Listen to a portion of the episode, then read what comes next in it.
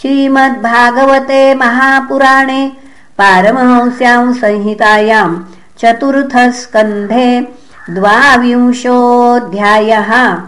मैत्रेय उवाच जनेषु प्रगृणस्त्वेवं पृथुं पृथुलविक्रमं तत्रोपजग्मुर्मुनयश्चत्वार सूर्यवर्चसः तांसु सिद्धेश्वरान् राजा व्योम्नोऽवतरतोर्चिषाम् लोकान् पापान् कुर्वत्याम् सानुगोचष्टलक्षितान् तद्दर्शनोद्गतान् प्राणान् प्रत्यादित्सुरिवोत्थितः ससदस्यानुगो वैन्य इन्द्रियेशो गुणानिव गौरवाद्यन्त्रितः सभ्य प्रश्रयानतकन्धरः विधिवत्पूजयाञ्चक्रे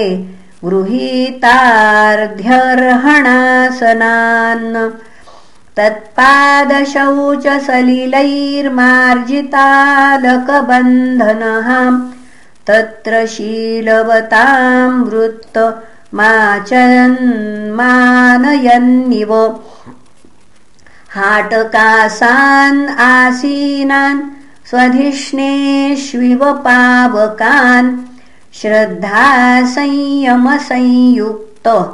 प्रीतः प्राह भवाग्रजान् पृथुरुवाच अहो आचिर पुनः अहो आचरितं किं मे मङ्गलं मङ्गलायनाः?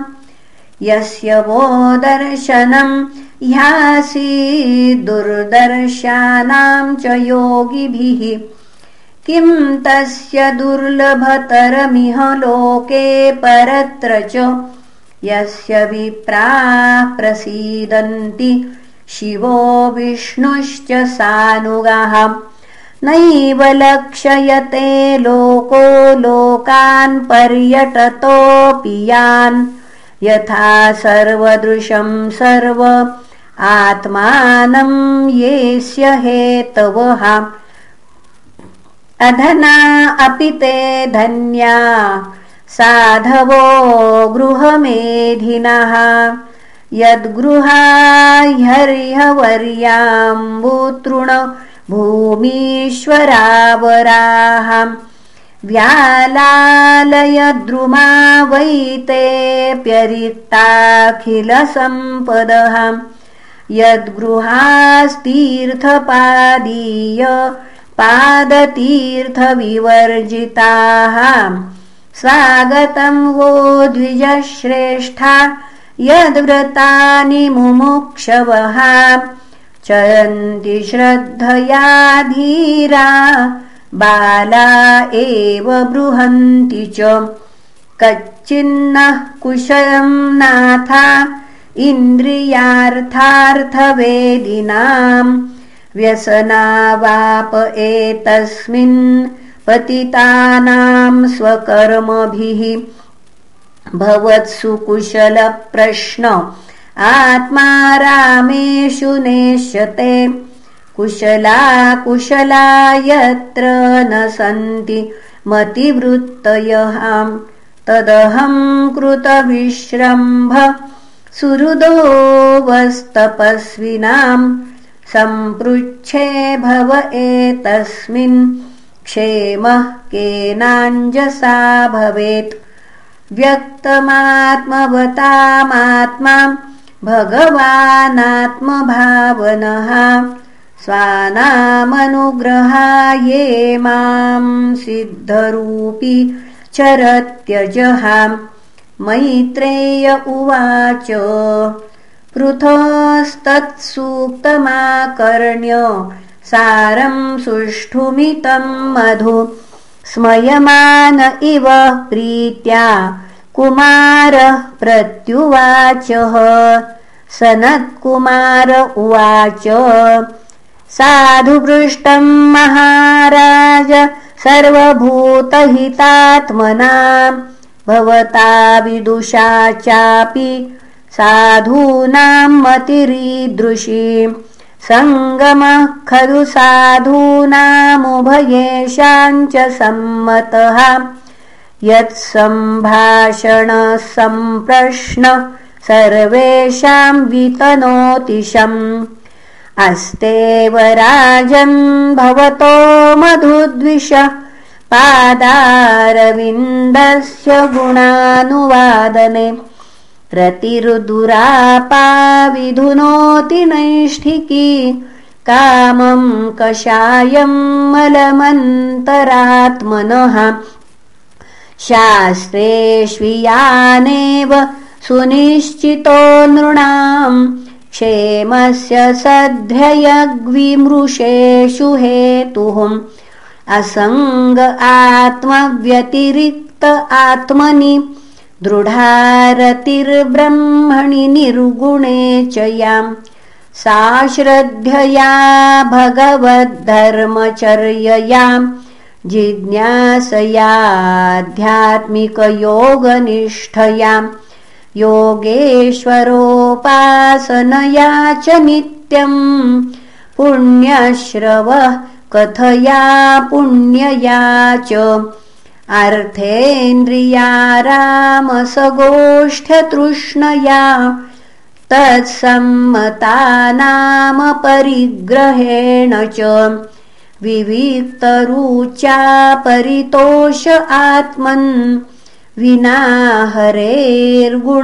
पीयूषपानात् अहिंसया पारमहंस्य चर्यया स्मृत्या मुकुन्दाचरिताग्र्यसीधूनाम् यमैरकामैर्नियमैश्चाप्यनिन्दया निरीक्षया द्वन्द्वतितिक्षया च हरेर्मुहुस्तत्परकर्णपूरगुणाभिधानेन विजृम्भमाणयाम्। भक्त्या ह्यसङ्गः सदसत्यनात्मनि स्यान्निर्गुणे ब्रह्मणि चाञ्जसारतिः यदारतिर्ब्रह्मणि नैष्ठिकी पुमानाचार्यवान् ज्ञानविरागरंहसाम् दहत्यवीर्यम् हृदयम् जीवकोशम् पञ्चात्मकम् योनिमिवोत्थितोऽग्निः। दग्धाशयो मुक्तसमस्ततद्गुणो नैवात्मनो बहिरन्तर्विचष्टे। परात्मनोर्यद् व्यवधानम् पुरस्तात् स्वप्ने यथा पुरुषस्तद्विनाशे। आत्मानमिन्द्रियार्थञ्च परम् यदुभयोरपि सत्याशयो उपाधौ वै पुमान् पश्यति नान्यदा निमित्ते सति सर्वत्र जलादावपि पूरुषः। आत्मानश्च परस्यापि भिदाम् पश्यति नान्यदा। इन्द्रियैर्विषयाकृष्टैराक्षिप्तम् ध्यायताम् मनः। चेतनाम् हरते बुद्धे। स्तम्भस्तोयमिव हृदात्। भ्रश्यत्तनु स्मृतिश्चित्तम् ज्ञानभ्रंशस्मृतिक्षये। तद्रोधम् कवयः प्राहुरात्मा पौहवमात्मनः नातः परतरो लोके पुंसस्वार्थव्यतिक्रमः। यदध्यन्यस्य प्रेयस्त्वमात्मनः स्वव्यतिक्रमात्। अर्थेन्द्रियार्थाभिज्ञध्यानम् सर्वार्थापह्वयुवो नृणाम् भ्रंशितो ज्ञानविज्ञानाद्येनाविशति मुख्यताम् न कुर्यात् कर्हि चित्सङ्गम्। तमस्तीव्रं तितीरिषुः। धर्मार्थकाममोक्षाणां यदत्यन्तविघातकम्। तत्रापि मोक्ष एवार्थ आत्यन्तिकतयेष्यते त्रैवर्ग्योऽर्थो यतो नित्यं कृतान्तभयसंयुतः। परे वरे च ये भावा गुणव्यतिकरादनु न तेषां विद्यते क्षेमो मीषद्विध्वंसिताशिषाम् तत्त्वं नरेन्द्रजगतामथ तस्थुषां च देहेन्द्रियासुधिषणात्मभिरावृतानां यश्क्षेत्रवित्तपतया हृदि विश्वगाभिः प्रत्यक्चकास्ति भगवंस्तमेभिः सोऽस्मि यस्मिन्निदं सदसदात्मतया विभातिं मायाविवेक विधृति पुनः मायाविवेकविधुतिस्रजिवा हि बुद्धिः।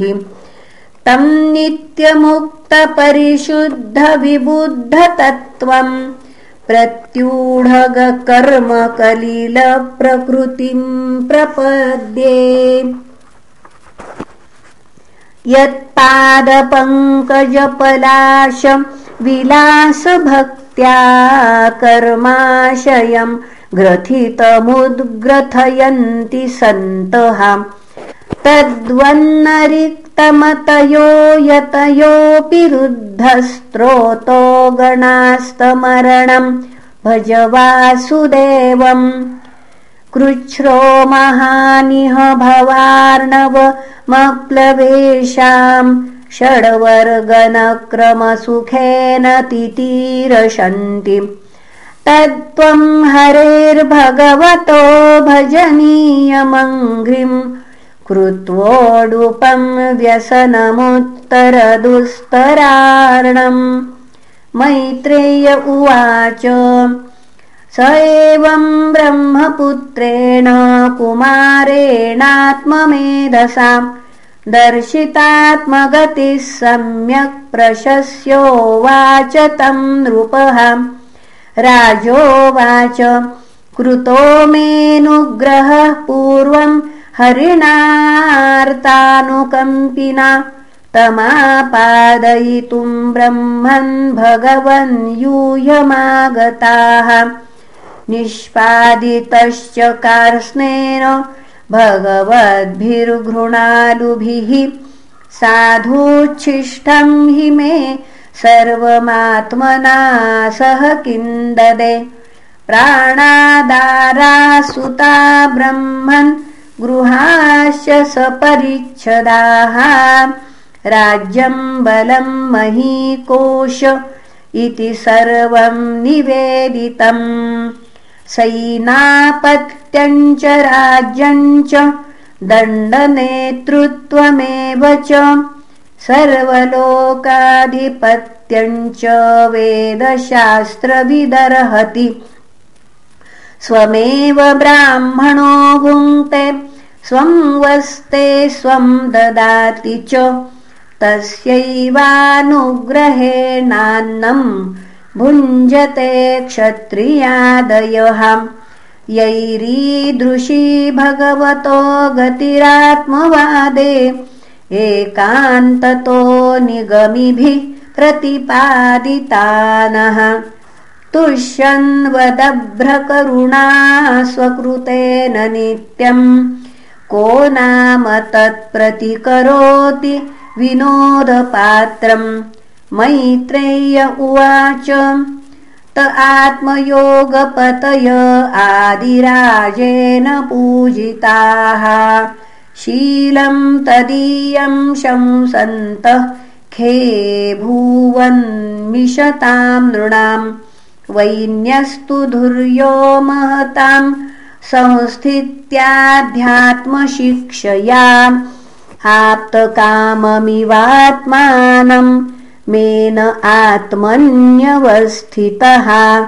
कर्माणि च यथा कालम् यथा देशम् यथा बलम् यथोचितम् यथाभित्तमकरोद् ब्रह्मसात्कृतम्। फलम् ब्रह्मणि विन्यस्य निर्विशङ्गः समाहितः। कर्माध्यक्षम् च मन्वान आत्मानम् प्रकृतेः परम्। गृहेषु वर्तमानोऽपि स साम्राज्यश्रियान्वितः।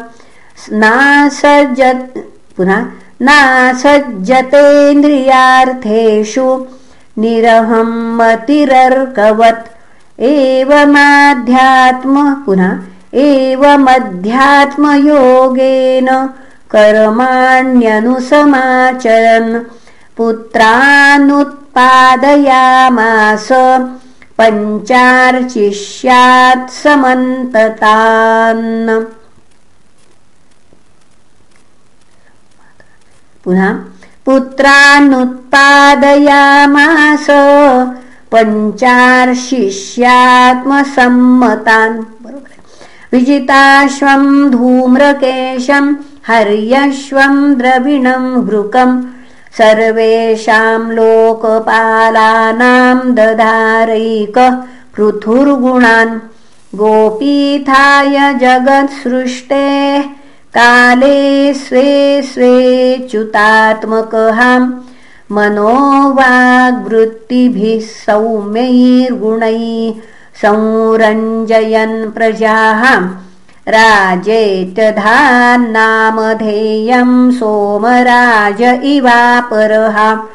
सूर्यवद्विसृजन् गृह्णन् प्रतपंश भुवो वसु। दुर्धर्षस्तेजसेवाग्निर्महेन्द्र इव दुर्जयः।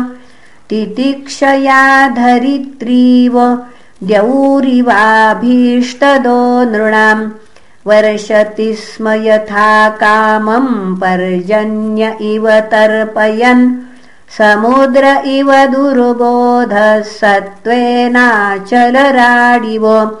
धर्मराडिव शिक्षायामाश्चर्ये हिमवानिव। कुबेर इव कोशाढ्यो गुप्तार्थो वरुणो यथा मातरिष्वेव सर्वात्मा बलेन सह सौजसाम् अविषह्यतया देवो भगवान् भूतराडिव। कन्दर्प इव सौन्दर्ये मनस्वी मृगराडिव। वात्सल्ये मनुवृन्दॄणाम् प्रभुत्वे भगवानजः बृहस्पतिर्ब्रह्मवादे आत्मवत्त्वे स्वयं हरिः। भक्त्या गो गुरुविप्रेषु विश्वक्सेनानुवर्तिषु ह्रिया प्रश्रयशीलाभ्यामात्मतुल्यः परोद्यमे। कीर्त्योर्ध्वगीतया कुम्भिस्त्रैलोक्ये तत्र तत्र प्रविष्टकर्णरन्ध्रेषु स्त्रीणाम् रामः सतामिव इति श्रीमद्भागवते महापुराणे पारमहंस्याम् संहितायाम् चतुर्थस्कन्धे पृथुचरिते द्वाविंशोऽध्यायः श्रीकृष्णार्पणमस्तु। हरये नमः हरये नमः हरये नमः